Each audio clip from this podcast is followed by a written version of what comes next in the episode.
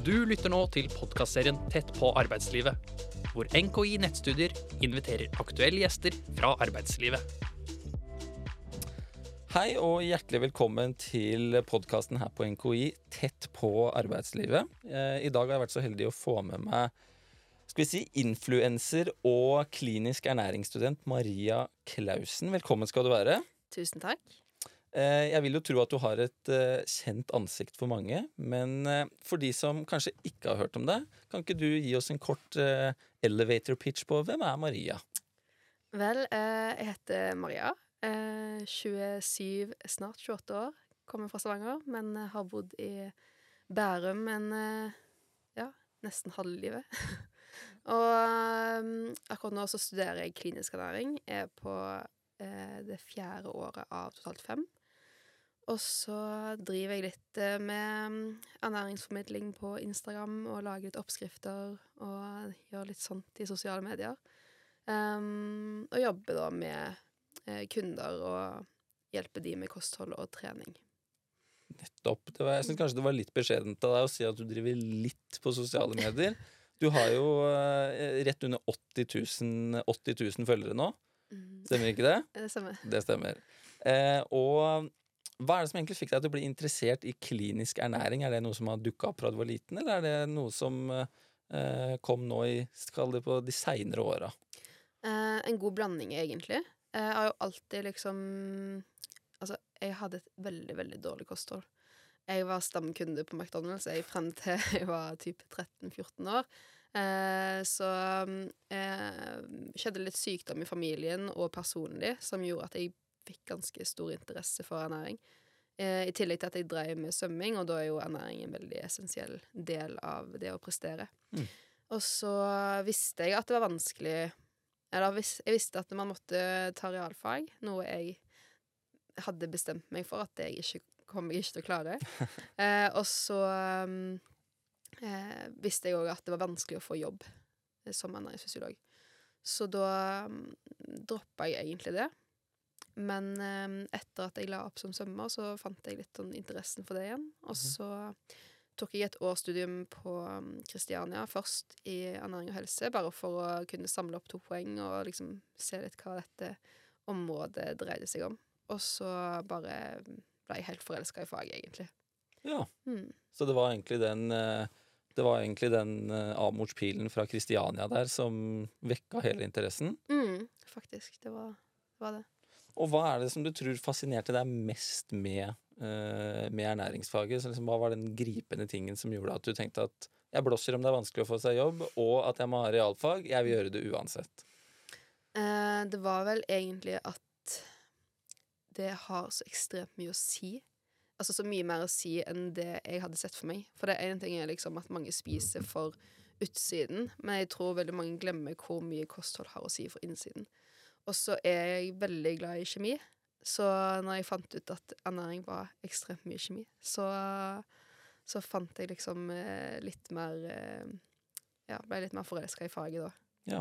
Mm. For da var, du var liksom fast bestemt på at det skulle være Altså, det finnes jo mange utdanninger innenfor ernæring som ikke nødvendigvis er klinisk ernæringsfysiologi, Mm. men det er jo selvfølgelig toppen av kransekaka. Det er ikke det er ikke for alle å komme inn der. Jeg går ut ifra at det var ganske høyt snitt. Det var, det var jo høyt snitt, det var det. Var ikke akkurat samme, på samme nivå som medisin og tannlege. Men um, det, var, det var relativt høyt, ja. Ja. Eh, så det krevde jo at eh, jeg måtte gjennom et år på Bjørknes og ta noen fag og sånt. ja. Mm. Og er det Jeg ble bare nysgjerrig når jeg først var innpå det. Er det. Det er mitt inntrykk av at det er overvekt av kvinner på ernæringsstudiet. Er det, er det inntrykket riktig? Det er veldig riktig. Hvor, hvor riktig er det? Er det 60-40, tror du? Eller 90-10? Eller hvor står vi? Altså, vi kan si i min klasse, da, så er vi jeg tror vi er 28 jenter eller 30 jenter og to gutter. Så Ok, Ja. ok, jeg skjønner, jeg skjønner tegninga. Og det er litt sånn det er på hvert kull, tror jeg. Ja, Mm. ok. Ehm, så er det jo da Du har jo tatt denne ernæringsinteressen din eh, videre, for det åpenbart så har det jo ikke vært nok for deg å bare sitte og lese på lesesalen og lære deg dette sjøl. Du har jo da blitt veldig stor på, eh, på Instagram, altså 80 000, 80 000 følgere. Mm. Og hvilken rolle føler du at Altså, hvilken rolle føler du at du nå har fått, og var det den rollen du tenkte å ha når du begynte? Det har nok endra seg litt fra da jeg starta til nå. Fordi i starten så tenkte jeg at det, det kom til å bli mm, eh, mer, altså mer formidling enn Mm. oppskrifter. Nå er det jo primært måte, oppskrifter retta mot liksom, et fargerikt og næringsrikt kosthold, og så selvfølgelig med fokus på en sånn altså en balanse der òg. Det er ikke på en måte bare eh, grønnsaker og råvarer all the time. Men eh, jeg prøver å ha mest mulig fokus på det. Ja.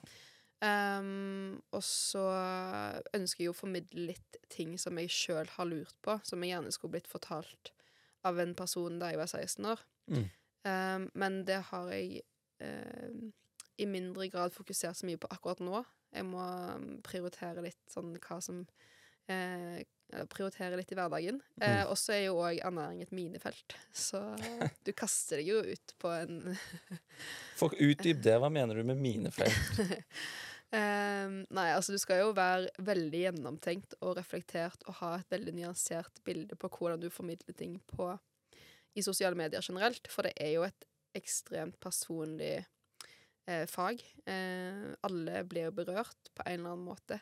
Og um, det å på en måte formidle noe som noen kan oppfatte som feil, kan jo gå litt hardt utover en, ja, en sjøl, da. Så jeg syns jo det er skummelt å ja, det skal være veldig gjennomtenkt da, hvis jeg først går og på en måte formidler det. Fordi jeg syns det er skummelt med eh, den kritikken som jeg kan se at andre får, rett og slett. Ja, og du, jeg går ut ifra at kanskje den Vi skal bruke ordet redsel. Da, har, den, Mm. har det, an, den ansvarsfølelsen økt med antall følgere, vil du si? 100 ja. Ja. Jeg var mye mer uredd før, eh, og jo mer jeg lærer om ernæring òg, jo større frykt får jeg nesten for å formidle ting. Ja. Og mm.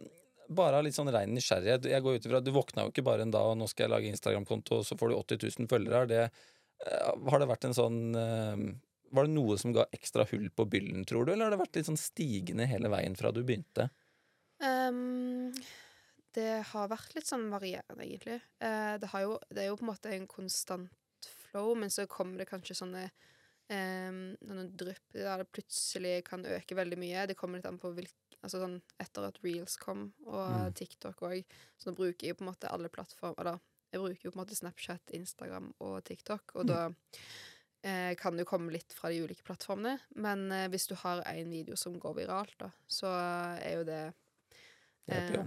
Ja. Og så er jo ehm, Jeg var, hadde et punkt i starten av året i år da, hvor det var en video som gikk internasjonalt, og da ehm, Jeg eh, ja, setter jo veldig pris på alle følgere, men jeg syns det er veldig hyggelig med norske følgere. Men der kommer det også veldig mange fra liksom Argentina, okay. Sør-Amerika, litt sånn forskjellig. Så um, Hva var det som gikk viralt? det var veldig tilfeldig, for det var en oppskrift som vi bare lagde litt sånn eh, on the go. Men det var sånne riskaker med sjokolade og peanøttsmør. Okay. Eh, Snickers. Eh, Så det er verden interessert i. Riskake, snickers, eh, ja, jeg tror liksom alt som er crispy og søtt og salt, det liker folk. Ok, Så det var, hvis du skal måtte peke på en liten boksåpner, så kan det vært en av de, da. Ja, det er nok det, også litt sånne videoer hvor du hvor kanskje kan være litt sånn bastant, eller liksom si ting jeg mener og formidle. Det liker folk òg. Ah, hva er det du har sagt, vil du si, eller har du et eksempel på noe du tenker at her var jeg litt bastant, og det merka jeg på en måte at uh, engasjerte? Ja, eh, jeg lagde en sånn video eh, hvor jeg nevnte, eller ramsa opp liksom 26 ting som jeg har lært i løpet av eh, mine år med eh, studie, eller sånn, hvor jeg har lært mye om ernæring og helse, da. Og erfaring jeg har tatt med meg. Og den engasjerte veldig. Ja. Mm. Kan du, eh, om ikke du skal gi oss eh, alle 26, kan du gi oss eh, fem av de som du Mm. tenker er liksom viktig? Ja. Og det er jo på en måte ting som jeg sjøl skulle ønske at jeg liksom visste da jeg var yngre. Eh, definitivt at søvn er viktig. Jeg var en natte, nattugle um, da jeg var yngre, og syntes det var kult å sitte oppe lenge. Så det er noe jeg ønsker jeg liksom vurderte og liksom hadde prioritert mer, da. Um, og så tror jeg nok det å at, liksom bare skjønne at eh, kalorier ikke, og det å telle kalorier ikke er veien til god helse, i hvert fall for min del. For det har du gjort. Det har jeg gjort. Mm. Um, og hva annet kan det være? At alt sånt her av trender sånn, Jeg var jo veldig glad i å lese blogg. Så leste Altså, jeg tror jeg gjorde mamma ganske frustrert med å komme hjem med masse produkter for helsekost eh, som diverse blogger hadde lagt ut om. Ja. Um, og bare skjønne at eh, kroppen renser seg ganske fint sjøl, og at man ikke trenger alt mulig av tilskudd som eh, blir presentert overalt. Da. Nei. Mm. Ok, ja, men det var, det var i hvert fall tre, da. Som, Mm. eh, Så den, sin, jeg syns det var litt interessant at det første du kom på, da var søvn. Mm. Er det, har det, var det en åpenbaring på et tidspunkt der, eller? At du liksom plutselig sov en god natt, og så Oi, er det sånn man skal føle seg? Eh, ja, det var vel egentlig det at jeg drakk eh, kaffe ganske seint. Okay. Og så eh, Både liksom som svømmer, da, så skal du stå opp ganske tidlig. Mm. Så vi hadde jo morgentrening eh, klokken halv seks hver dag. Og det å liksom våkne tre ganger i løpet av natten når du skal prøve å få en åtte timers søvn før klokken fem, det var jo ikke alltid like lett. Og så var det jo egentlig i etterkant av eh, svømmekarrieren at jeg testa ut å drikke kaffe litt tidligere på dagen, altså den siste koppen, da. Mm. Og så plutselig sov jeg som en baby. Ja. Og det var jo et nytt liv. Ja, det kan jeg tro. Altså, Mm. søvn vi, Jeg føler det er mange som Når du ser på statistikk, i hvert fall på hvor mye folk sover, så er det veldig mange som ikke sover nok. Så vi Mm. går litt rundt som zombier, alle mann her. Eller veldig, veldig mange, da. Ja, ja, Som, eh, som ikke prioriterer det. ja. Eh, men apropos når du da har fått så mye følgere og liksom fått så stor reach med kontoen din som det du har nå, da går jeg jo jeg går ut ifra at det er veldig mye positive tilbakemeldinger som du får. ja, det er utelukkende positivt. Ja, og, det er, og hva er det de eh, positive tilbakemeldingene er, og hvem er det de kommer fra? Um, det kommer jo Det er jo hovedsakelig kvinner som følger meg, så det er mye kvinner. Um, og det er egentlig litt sånn tilbakemeldinger på at de syns det er veldig hyggelig Eller på en måte fint å se at jeg har den balansen eh, i liksom At det ikke er veldig sånn fancy produkter, at det er veldig sånn enkelt og greit, og at de gjerne får et litt mer avslappa forhold til det her med at liksom, hva mat som er, er lov å spise, da, da på en måte som Mm. de føler de kan ha bruk i hverdagen. Mm. At de har et liksom kanskje litt mer helhetlig syn på det. Ja. Og så, ja, det er bare masse snille, snille mennesker som kommer med tilbakemeldinger. Det er utrolig hyggelig. Så bra. Det er jo vel fortjent. Eh, Har du noen sånn klare suksesshistorier, eller noen som da har blitt så inspirert av deg, eller fulgt noe du har sagt, som har kommet tilbake til deg med en tilbakemelding på hvordan det har endra noe i livet deres? Mm, jeg kommer ikke på noen akkurat konkret, men jeg, jeg har liksom eh, Det kan hende at noen kommer opp til meg på byen, for eksempel. Ja. Eller eh, Altså sånn på Karl Johan på klokka to på en lørdag, eller snakker vi liksom sånn ute på byen? eh, begge deler. Okay. Eh, hvor de på en måte kan eh, fortelle at eh, måten jeg har formidla på, har gjort at de har fått et bedre forhold til mat. Eh, og det er jo noe av det hyggeligste jeg kan høre. Da, det må jo være kanskje Det må være følelsen av å ha lykkes, vel. Ja, altså når, min hjertesak er jo matglede, og at Ja. liksom folk skal eh, I hvert fall ikke At de ikke skal oppleve matfrykt. da. Så det at folk har et godt forhold til mat, det er veldig veldig viktig for meg. Jeg kan jo ikke si kort om akkurat det der ordet matfrykt? Det er jo litt sånn, det er nesten blitt litt sånn moteord nå, som brukes i mange sammenhenger. Hva, hva legger du egentlig i det? Egentlig frykt for um, um, enkelt matvarer eller måltid. Det er i hvert fall det jeg tenker sånn eh, at matfrykt er. At du er liksom redd for mat. At du tror at det kan At du får liksom dårlig samvittighet av å spise det, eller at du får um, er redd for å få dårlig helse. Eh, Ja. Redd for at det på en måte er nesten giftig for kroppen. da. Sånn, jeg kan ikke drikke Litago. Du er redd Mm. for sånn, altså, så spesifikke ting som Mm. det? Ja, altså at du spiser eh, Det er jo mange som sliter f.eks. med overspiselidelse, som opplever en del matfrykt rundt matvarer, eller for så vidt andre spiseforstyrrelser, hvor eh, det å spise eksempel en rad av en sjokolade eller en bit av en sjokolade kan eh, altså, gjøre at eh, pinnen vipper, da, at du Mm. Plutselig da spise hele istedenfor, og at det blir nesten sånn, litt sånn selvsabotasje, Mm. Um, uten at du egentlig har lyst. Ja. Mm. Har du noe Har du fått noe kjensla på hvor den frykten her kan stamme fra? Jeg tror det er veldig, veldig komplekst. Jeg tror det er en god blanding av både genetikk og miljø, og det man blir eksponert for i, i sosiale medier og, Mm. og medier generelt. Ehm, men jeg tror jo eh, Ja, og, liksom, og litt sånn erfaringsbasert, da. Ja. Hva man har kanskje opplevd. Men eh, jeg tror jo sosiale medier definitivt er en sånn eh, Et sted hvor det stammer fra, da. Ja. Mm. Det er jo et, eh, det er jo et overdrevent fokus på, på kropp og utseende der, det er jo ikke noe tvil om. Eller alle Mm. serverer jo bare smørsida si. Og så kan man jo Mm. forsvare det og tenke ok, skal man sitte og dele at livet er grått og trist, da? Det, Mm. det er ikke riktig det heller, kanskje, men, men, eh, men det blir jo en sånn overdrevent fokus på perfeksjonisme, da. Ja. Og bilder er jo Det veit vi jo alle. Det, det sier jo mer enn tusen ord. Du kan i hvert fall manipulere veldig mye av hvordan det ser ut, og skaper et helt sånn kunstig, eh, kunstig bilde, da. Og det kan jeg jo si for meg på eh, som er mann eller gutt, kaller det hva du vil, Mm. eh, at eh, der handler det gjerne mer om muskler og se maskulin ut, og Mm. der hvor kanskje det er mer frykt for mat og overvekt, kanskje det er mer det som er på den Mm. kvinnelige delen av eh, spekteret, da. Mm, mm. Jeg tror Ja, uh, uten tvil. Og så er det jo sånn det uh, De bildene, som du sier, som kan være manipulert, uh, skaper et inntrykk og et liksom Et bilde for jenter som kan være sånn Som oftest er veldig uoppnåelig. Ja. Um, og jeg syns jo Og ofte så er det jo gjerne de Mange av de profilene som har det òg, liksom har et behov for å fortelle, eller liksom har sånne type 'what I eat in a day', eller hva det man ikke burde spise, og liksom er veldig ute med piggene der. Og Mm. mange gjør det jo, spesielt i sånn TikTok, da, Mm. bruker jo sånne type videoer for å få klikk og få likes og få folk til å følge dem, fordi det er jo litt sånn kontroverst og litt sånn ekstremt. Mm. Eh, men så tror jeg veldig få altså, Jeg vet ikke om de tenker så mye på hvordan det potensielt òg kan eh, være litt sånn skadelig, da. For den som sitter og ser det.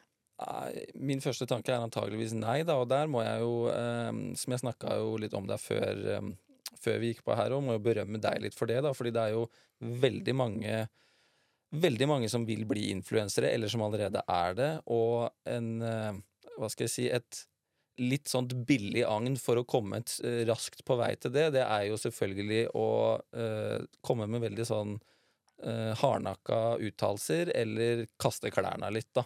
Eh, og det, det selger jo. Altså, sånn Mm. er det, har det alltid vært, og sånn er det fortsatt, og det er det på sosiale medier. Men du har jo lyktes veldig uten å gjøre noen av disse tingene. Du har liksom bare holdt deg til å være Maria, lage kvalitet på videoene dine, og dele også litt fra ditt eh, private liv. Da. Litt sånn Her, her løper jeg på mølla, og jeg har ikke sminka meg', eller 'Sånn lever jeg dagene mine', eller 'Her mista jeg hele den eh, kjelen i gulvet', eller litt sånne ting som stadig dukker opp. Da, og det Mm. eh, det tror jeg er veldig en sånn sunn motvekt da, for mange andre å se at du kan lykkes uten at du på en måte må selge sjela di, da. Eh, ja, jeg, ja, jeg har jo eh, Takk, forresten. Men jeg eh, syns jo på en måte det er viktig å Jeg skrev faktisk ned det før jeg liksom Eller når ting begynte å skyte litt i været, så skrev jeg liksom ned litt sånn grunnverdier. Ja. Eh, som jeg ville holde på, selv om på en måte Ja, for man kan jo på en måte bli litt revet med når man eh, plutselig eh, at Altså at sosiale medier går litt andre veien enn det man hadde først tenkt. da. Mm. Så jeg var veldig Jeg har på en måte noen sånne grunnverdier som jeg fortsatt vil holde på. Ja. Ehm, og liksom eh, I forhold til både samarbeid, eller om det er ting jeg legger ut. eh, Det har ikke liksom- gått til huet på deg. Nei, det skal, ikke, det skal ikke gå til huet på meg. Det er bra å høre. Men eh, ok, en ting er at du får eh, utelukkende positive ting. da. Har du fått noen eh, negative tilbakemeldinger på Instagram? Noen som på en måte har hva skal jeg si, malt deg nesten opp i et hjørne, eller vært liksom veldig uenig i det du har lagt ut? Nei, Nei. aldri. Uh, jeg tenker jo liksom sånn Selvfølgelig, folk kan jo kanskje Altså, jeg er ikke noen Michelin-kokk, så selvfølgelig så er det liksom eh, teknikk og metoder over kjøkkenet som jeg kanskje ikke gjør helt sånn etter boken, og det tenker jeg er helt greit. Det er litt eh, sånn det er å være en hobbykokk, liksom. Eller eh, lage mat som ikke er liksom av 100% kvalitet. Mm. Um, men det er liksom begrensa hvor mye man kan hate på det, tror jeg. Ja, det er, det er jo det er faktisk et veldig godt poeng. Eh, men når det kommer til eh, Altså, en ting er at du går på Eller tar klinisk ernæringsfysiologi, Mm. men hva er det du gjør ved, eh, ved siden av? For du, du lager jo disse videoene, selvfølgelig, men du driver jo også eh, Hjelper du også kunder eller pasienter eller hva enn man skal referere til, liksom? Mm. Akkurat nå, sånn, for at jeg skal kunne behandle pasienter, så må jeg være autorisert helsepersonell. Og det er jeg jo ikke før jeg er ferdig utdanna. Så um, eh, per nå så er det Jeg hjelper kunder med kosthold, og det har jeg gjort i fire og et halvt år nå. Mm. Eh, eller trening. Og da er det generelt sånn eh, livsstilsendring, eller livsstilsforbedring, som jeg liker å si. Ja. Eller det å optimalisere kostholdet Mm. ut ifra deres utgangspunkt. Um, og så er det jo retter meg spesielt mot folk som ønsker da gjerne å optimalisere kosthold, men òg få et bedre forhold til mat. Ja. Uh, for det må jo òg liksom være litt til grunn for at man skal kunne ha det fint i hverdagen. Da. Absolutt. Det jo, vi alle veit jo, vet jo hva man skal spise, men det å, Mm. det å ta de riktige valga og gjøre det konsekvent og med eh, litt sånn effortless og med god samvittighet, det er kanskje det er, det er lettere sagt enn gjort. Ja, ja, uten tvil. Og jeg tror veldig mange òg som kanskje har prøvd veldig mange forskjellige dietter og liksom kutta ut uh, det ene og det andre fra livet, Ja. opplever liksom at det, det kan være litt skummelt å prøve å reintrodusere det igjen, eller Ja. at de liksom uh, har fått høre et sted at det er farlig, og så er det kanskje ikke så farlig. Nei. Så, Her kommer jo du inn i bildet. Og her vil jeg da eh, plukke opp, nå som vi først har beveget oss litt inn på mer på kosthold og ernæring her, da, så er det noen vanlige, eller hva er de vanlige misforståelsene rundt kosthold? For som du sa, det er jo et minefelt, men har du lagt merke til i løpet av din eh, eh, ernæringskarriere på liksom, hva er de vanligste misforståelsene som du tenker at du har lyst til å rette litt på, om jeg kan si det sånn? Å, det er mye, da. Men eh, jeg kan vel si sånn En eh, ting jeg ofte ser går igjen, er at folk maler kanskje mat som litt sånn svart og hvitt. Mm. At det er veldig sånn Det er sunt, og det er usunt. Ja. Og at eh, mange tror at en, vis, altså en enkelt matvare isolert sett kan føre til dårligere helse, eller gjøre at man Og det, selvfølgelig, sånn har man en sykdom, eh, hvis man har cøliaki, så skjønner jeg at eh, da spiser man ikke mm, produkter med gluten. Eh, men eh, for den eh, friske, generelle befolkningen, da, så tror jeg det er veldig mange som tenker at det er enkeltmatvarer som gjør f.eks. at man kan gå opp i vekt, eller at man får eh, dårligere helse av kun å spise de små mengder. Mm. Um, og det er jo en oppfatning jeg syns er litt sånn trist. At Mm. folk tror at det, det å For eksempel da, sånn i, å ta en sjokoladebit gjør at man plutselig får dårligere helse, når eh, resten av kostholdet er ganske bra, da. Opplever du at Opplever du at vekt er en stor motivasjon knytta til hvorfor folk vil gjøre endringer? 100 mm. Og av estetiske grunner? Um, god blanding. Uh, jeg tror det er veldig mange som ønsker å gjøre endringer som egentlig ikke har så veldig behov for endringer, men som igjen ser kanskje ting i sosiale medier og ønsker å oppnå en det jeg vil si for lav for eksempel fettprosent Ja. i forhold til hva de burde. Mm. Um, og så er det noen som ønsker å liksom gjøre noe med vekten av helsefordelene med å gjøre noe med vekten. Ja. At det er um, det å kunne bevege seg eh, eller få eh, bedre verdier på blodprøver. Ja. Eller lavere blodtrykk, for eksempel. Så da blir liksom det å eh, angripe vekta blir en sånt konkret mål, og så blir det en del sånne positive følgeeffekter som, Mm. som blir dratt med i det. da. Mm. Er det, er det noe som har endra seg over tid, etter hvert som du har fått mer kunnskap, som liksom etter du nå har holdt på snart i fem år da med klinisk ernæring og hatt uh, kunder og opparbeida erfaring, er det noen ting du tenkte for fem år siden som har endra seg til nå? ja. Jeg er mye mer kritisk eh, til alt jeg leser. Okay. Um, og det er jo litt sånn um, Nå kommer jo jeg fra den, ehm, den skolen jeg gjør, Ja. eh, og vi lærer mye, men eh, en viktig del av det er jo å være kritisk til det man på en måte får servert, fordi forskningen går framover, og eh, ting som ble sagt for fem år siden da jeg starta å studere, er kanskje har jeg endra syn på nå, for eksempel. Ehm, og det det tenker jeg bare er veldig, veldig bra. Absolutt. Kritisk tenkning må være den viktigste egenskapen eh, i dagens informasjonssamfunn, hvor vi blir bombardert med med informasjon. Og der er det jo Hvordan er det du da vurderer om en kilde eller eh, info er pålitelig eller ikke? Hvis du får Hvis det står i VG, eller noen sier noe til deg som eh, åpenbart er, altså, Hva enn det måtte være for noe, hvordan er det du går fram da for å tenke er det her, er det kredibilitet bak det her, eller er dette bare en trend, eller hva er dette? Um, jeg vil jo veldig gjerne vite hvor denne kilden kommer fra. Altså Ja. hvor, hvor kommer utsagnet fra, eller hvor kommer denne påstanden fra. Mm. Uh, og så er det jo liksom opp til meg da å lese den uh, artikkelen, men så tror jeg jo liksom Det er jo lett å bare liksom lese et abstract og se på resultatene der, men så må man gjerne gå Og det her er jo ikke det her er tren, altså Man må jo trene på å lese en artikkel. Man Ja. kan ikke bare lese en artikkel og tenke at man er god på det på etter en dag det er mye mer arbeid enn det jeg først tenkte at det var.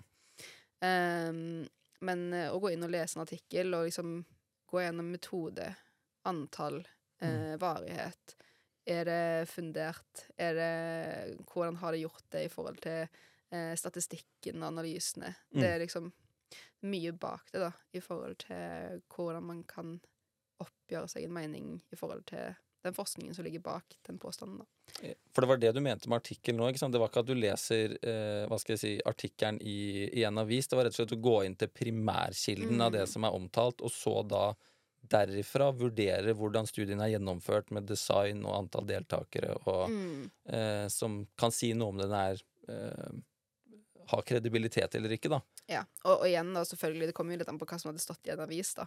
Ja. Så hvis det hadde stått eh, eh, Altså, denne personen her har gått ned ti kilo på åtte uker ved å gjøre sånn og sånn og sånn, så er det ganske lett for meg å på en måte kunne Mm. vurdere det. Men hvis det kommer en ny eh, trend eller noe nytt, liksom, for eksempel noe som eh, Og det er, jeg sier ikke at det er en trend, men faste er jo veldig, veldig i vinden akkurat nå.